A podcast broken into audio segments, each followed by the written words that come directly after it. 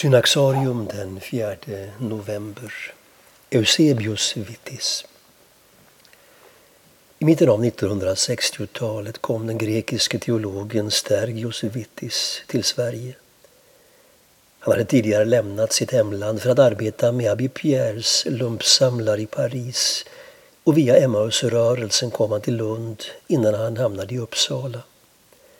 Här skulle han läsa teologi, men arbetskraftsinvandringen till Sverige i slutet av 1960-talet aktualiserade behovet av gudstjänster och själavård för nyanlända greker.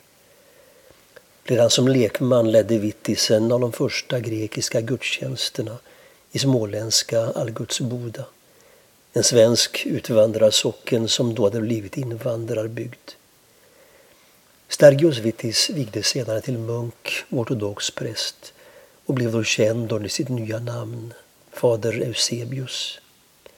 Hans prästtjänst tog honom över hela landet men avbröts när en konflikt uppstod med den dåvarande stiftsledningen. Fader Eusebius drog sig tillbaka till Dalarna där han hjälpte till som vaktmästare på stiftelsen Berget i Rättvik.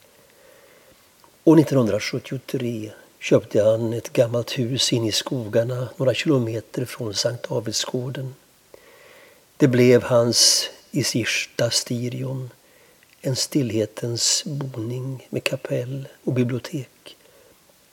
Från detta hus gick han dagligen den långa vägen fram och tillbaka till sitt arbete.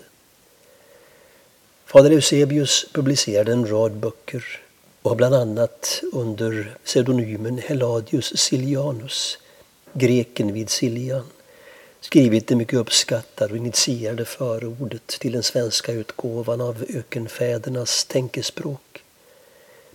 Genom sitt omfattande författarskap blev han känd även i Grekland. Hundratals brev i själavårdsärenden anlände till munken i Dalaskogarna. På uppmaning återvände han 1980 till sitt gamla hemland och bosatte sig i ett kloster i Sidiros Castro i norra Grekland.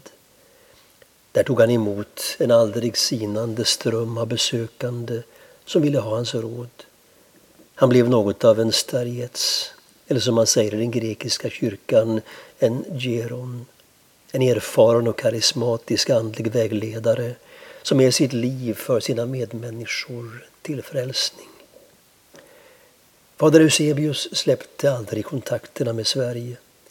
För både greker och svenskar var han en viktig gestalt som personifierade något av det bästa i den ortodoxa kristna traditionen. Vänlighet och godhet strålade bokstavligen ut från honom.